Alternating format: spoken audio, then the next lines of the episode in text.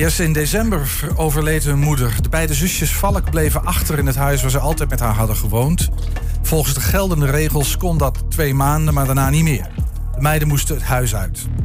Laten we heel even kijken naar hoe dit nieuws destijds viel bij Fabienne en Valerie. We hebben een videootje.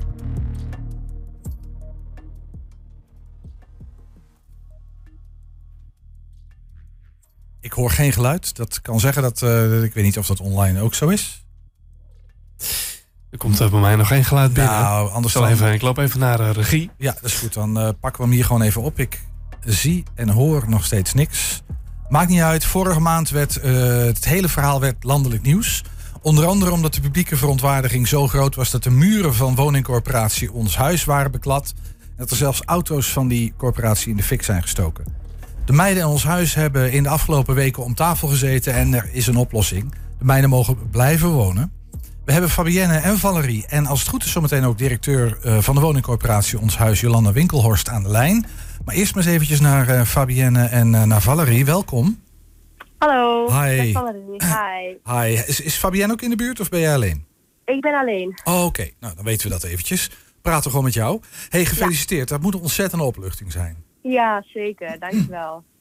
Ja. alsjeblieft. Maar jullie hebben volgens mij, ik, ik had je net uh, vanmiddag al even alleen maar een ontzettende heftige periode achter de rug. Hè? Heel veel media-aandacht. En dan zit, natuurlijk nog die zorgen of je wel of niet mag blijven wonen, dat soort vragen. Hoe gaat het met jullie?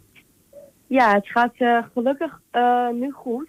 Het is een last van onze schouder, om het even zo te zeggen. Ja, dat snap ik. Dus ja, het gaat goed, gelukkig. Fijn.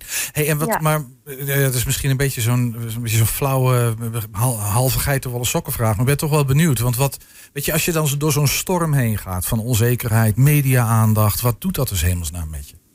Uh, ja, heel erg veel natuurlijk. Uh, van allerlei emoties. En uh, nou ja, we hadden no nooit verwacht dat het zo in de media zou komen. En nou ja, uiteindelijk heeft het toch iets gedaan. Dus ja, we zijn eigenlijk wel blij dat het allemaal zo is uh, verlopen. Je bedoelt te zeggen, het heeft iets gedaan. Het heeft toch geleid tot een gesprek met de woningcorporatie en uh, nadenken over een oplossing. Dat is wat je bedoelt, denk ik? Ja, ja. Ah, die oplossing is er. Hey, ik vroeg, dat vroeg me ook nog af. Want hoe, hoe belangrijk, hoe, hoe, lang hebben jullie met je moeder in het huis gewoond? Uh, nou, zeker. ook heel even nadenken. Maar ongeveer, hè? kom niet op een week Zeker elf jaar. Ja, dus dat is gewoon een belangrijk deel van jouw leven in ieder geval. Want heel even, ja. Valerie, want jij bent de jongste of ben jij de oudste? Ik ben de jongste. Ja, en, en jij bent nu? Ik heb het ergens Ik ben gezien. 18. Ja, precies. Nou, dat is echt een heel belangrijk deel van je leven. Hoe belangrijk is dat huis ja. voor jullie? Ja, heel erg belangrijk. Kijk, we zijn hier natuurlijk uh, uh, al opgegroeid uh, sinds onze kinderjaren. En eigenlijk hebben wij hier alles nou ja, meegemaakt. Het is gewoon, nou ja, weet je, we komen thuis en altijd gezellig. En nou ja, het brengt natuurlijk veel herinneringen uh, uh, naar boven. Ja. Ook met onze moeder natuurlijk. Ja, natuurlijk. En uh, ja, veel liefde in het huis. En ja, ja, ja, een warm thuisgevoel. Ja, precies. Ja, achter, achter, elke, achter alles wat aan de muur hangt, kleeft een herinnering, zal ik maar even zeggen. Ja. Dat, ja. ja. Hey, was het een ingewikkeld gesprek met, met ons huis? Want er is een hele hoop gebeurd, gedoe. Daar hebben we het zo meteen nog wel even over met, met Jolanda Winkelhorst. Maar ja. um, vruchtbaar gesprek, want er is een oplossing. Maar hoe ingewikkeld was het? Ja, klopt. Het, is, uh, het eerste gesprek vonden wij natuurlijk heel erg uh, spannend. Uh, van een paar weken geleden. En nou ja, uiteindelijk zijn we dus wel met een oplossing gekomen. En vandaag hebben we dus weer een gesprek gehad om 11 uur bij de woningbouw. Ja. En daar gingen we eigenlijk met heel veel vertrouwen naartoe. En ja, we, ja uh, we zijn eigenlijk gewoon tot een hele goede oplossing samengekomen. Ja. En uh, ja, eigenlijk was het gewoon een heel goed gesprek. Fijn. Ja, we zijn allemaal heel erg blij dat het allemaal zo, uh, ja, dat we gewoon een goede oplossing hebben ja. kunnen vinden. Snap ik. En ja. mooi. Dan gaan we even naar Jolanda Winkelhorst. Het goed is, hoor jij mij ook en hoor ik jou? Goedemiddag. Hi, goedemiddag. Hey, um, nou, uh, blije, opgeluchte uh, verhalen. Um, maar ik heel even naar, naar, jullie eigen situatie. Want ik probeer me het voor te stellen. Een kleine woningcorporatie, ontzettend veel tumult. Ook in de landelijke media. Uh, bekladding van muren, auto's in de fik gestoken. Dan komt er wel even wat over je heen. Ja, dat klopt inderdaad. Voor ons was het ook wel een heftige periode. Mhm. Maar inmiddels eh, hebben we ons herpakt en zijn we gewoon weer aan de slag voor eh, onze inwoners in Enschede. Ja. Nee, dat, ik vermoed al dat je zoiets zou, zou antwoorden. Maar tegelijkertijd, dit is niet iets waar je als woningcorporatiedirecteur voor doorgeleerd hebt. Dit soort eh, situaties. Nee, gelukkig niet. Nee, dat is waar. het zijn uitzonderingen. Hey, Ja, en wat, wat, wat, wat maakte, want dan ben ik wel benieuwd, wat maakte het nou zo moeilijk om een oplossing te verzinnen? Wij zijn maar gewoon nieuwsconsumenten en leken. We, we kennen het hele wereldje niet. Wat, wat maakte het nou zo ingewikkeld? Ja, in principe zijn huurcontracten niet overerfbaar. Ja.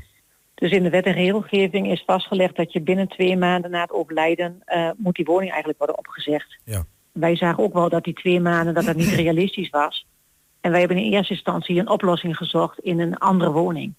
Dus we hebben eh, gekeken van eh, ja, hoe kun je de termijn verlengen, wat zou daar voor andere oplossing zijn. Mhm. En we waren erg bezorgd over de betaalbaarheid van die woning. Ja. En eh, ja, van daaruit hebben we naar een oplossing gezocht. Maar dat was dus blijkbaar niet de goede oplossing. Nee. En ik ben wel blij dat we zeg maar nu met de Valerie en Fabienne eh, zijn uitgekomen op deze oplossing. En dat het toch haalbaar is. Ja, daar Ja. ben ik gewoon heel blij om. Ja, dat snap ik.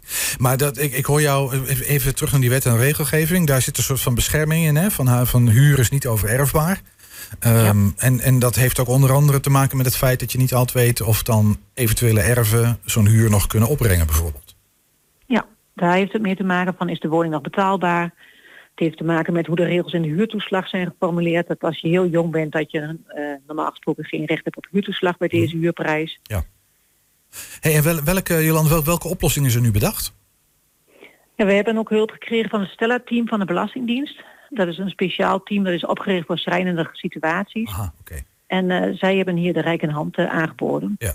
Dus dat is heel mooi. En dat betekent dat zij dan zeg maar ruimte in de wet hebben gevonden? Of dat ze een uitzondering hebben gemaakt? Of, ehm, Ja, ze hebben hier de uitzondering die inderdaad specifiek is op eh, de situatie van eh, Valerie en Fabienne. Dat als de eh, ouder overlijdt en je bent onder de 23, dat dan in specifieke gevallen toch nog huurtoeslag mogelijk is. Ja, precies. Want daar draaide het om, hè, om die huurtoeslag. En dat hing weer samen met de betaalbaarheid van de woning Ja. eventueel. Ja.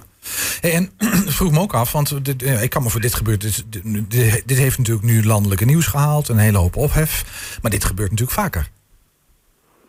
Ja, als je over heel Nederland kijkt, dan gebeurt het ongeveer 80 keer per jaar. Mhm. Ehm, dus het gebeurt wel vaker, maar het is ook niet heel, eh, dat het heel vaak gebeurt. En eigenlijk wordt er altijd naar maatwerk gezocht. En dat is toch afhankelijk van hoe de situatie is en Ja. wat, wat er mogelijk is. Ja. Ja. Hey, en die, die, die maatwerk, om, om daarnaar te zoeken, dan toch even. ehm, is, is- hebben jullie daar meteen naar gezocht? Of is dat eigenlijk pas gekomen op het moment dat er een hoop ophef eh, ontstond?